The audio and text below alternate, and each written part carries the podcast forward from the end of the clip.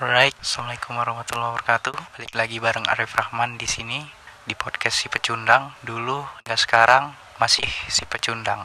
Yang membedakan sekarang itu sedikit lebih banyak knowledge, sedikit lebih banyak pengalaman dan sedikit lebih banyak dukungan dari kawan-kawan. Oke, investasi masa muda. Episode kali ini bahasannya mungkin agak kedengeran berat ya. Bagi aku sendiri cukup berat untuk di-share terlepas dari kurangnya edukasi. Niatku sendiri agar kawan-kawan punya kesadaran terutama pada saat mengelola keuangan dari uang yang udah didapat mau diputar ke mana uangnya. Tentu di sini kami nggak ngajarin caranya. Di sini kami mau diskusi dan share sudut pandang yang mungkin bisa dijadiin pertimbangan supaya ke depan bisa buat keputusan yang better lah dalam investasi uang yang udah didapat. Ini dia bintang tamu yang sebelumnya udah ngisi. Kita sambut Angga Saputra yang biasa biasa ngisi di podcast Jelajah Sendu. Di situ ada konten konten puisi yang dari hasil luapan perasaan dari si pengisinya sendiri. Oke. Okay? Untuk 12 bulan tuh satu persenan tuh kalau kita rajin kata-katik atau dan bahasa kayaknya tuh tradingan. Hmm. Investasi investasi itu kan mengelola dana jangka panjang. Hmm. Properti kan bisa usaha bisa emas yang sekarang lagi turun atau saham dan reksadana investasi yang simpel yes. itu emang saham dan reksadana dengan untung yang luar biasa dibanding yang lain kan mm -mm. tapi tahu cara mengelolanya aja uh -uh. ya investasi inti dari investasi itu mungkin bahas uh, dari berbagai pengalaman berinvestasi yang paling berkesan itu yang seperti apa sih? Baik yang menguntungkan mau yang maupun yang kurang menguntungkan. Biar ada pelajaran yang mungkin bisa diambil dari uh, cerita tersebut untuk kawan-kawan. Iya benar benar kalau misalkan bahas investasi tidak mungkin kita nggak bahas untung dan rugi. Uh karena kan selalu berkaitan erat tidak mau pisah uh. sama rugi ini saling tarik menarik yep. berkesannya tuh kita bisa lebih banyak belajar tentang ilmu investasi lebih sering baca baca berita ekonomi kan hmm.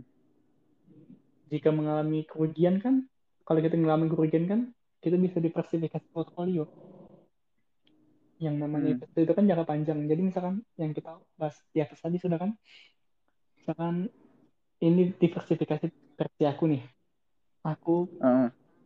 sekarang pegang aku udah nyebut ke beberapa cuman lumayan banyak saham dan ada satu saham ini hmm. dikatakan sahamnya saham sultan di sini aku uh. aku lagi minus sekitar 10 persen uh. terus gimana tuh tuh di sinilah akal kita mulai bergerak nih. Ini nih minus. Uh. oleh karena apa nih?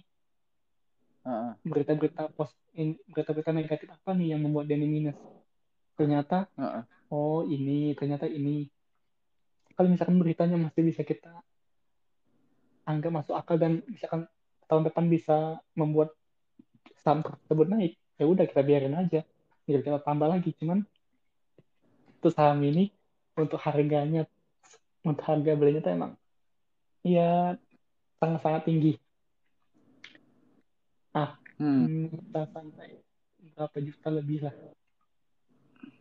Untuk saham ini soalnya. Soalnya rugi itu pun, soalnya saham ini kan disebutkan saham sultan kalau kata orang tuh. Hmm. Saham sultan tuh ada beberapa saham sultan di bank dan customer dan beberapa saham yang lainnya. Ini sekali untung 10%, ruginya itu gede. Sedangkan saham-saham yang lain kita hmm. harus cari keuntungan lebih dari situ. Rugi di oh. rugi di satu saham ini misalkan 10% di saham yang lain kita usahakan untung lebih dari 10% dengan catatan 10% itu dengan harga yang sama.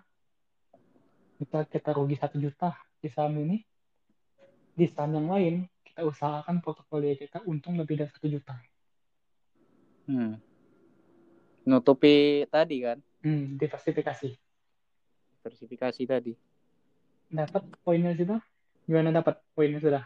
Oh, mungkin ya kayak tadi kan diversifikasi. Mungkin apakah diversifikasinya itu dari awal atau pas kejadian sudah dari sudah jadi kemungkinan terburuknya lah gitu. Sudah terjadi hal yang buruknya lah, baru kita mau diversifikasi atau gimana? Ya namanya diversifikasi itu bisa di awal, bisa pas kejadian di awal kita diversifikasi itu berarti kita beli saham-saham yang kemungkinan bisa menutupi saham-saham yang akan rugi. Kita nggak tahu hmm. saham mana yang rugi. Misalkan kita punya tiga saham, saham mana nih yang ketiga ini yang rugi? Hmm. Misalkan saham B yang rugi. Usahain saham A dan C ini jangan sampai rugi. Tapi kan kita nggak tahu nih kalau di awal-awal. Hmm. Itulah kalau misalkan untuk diversifikasi ini enakan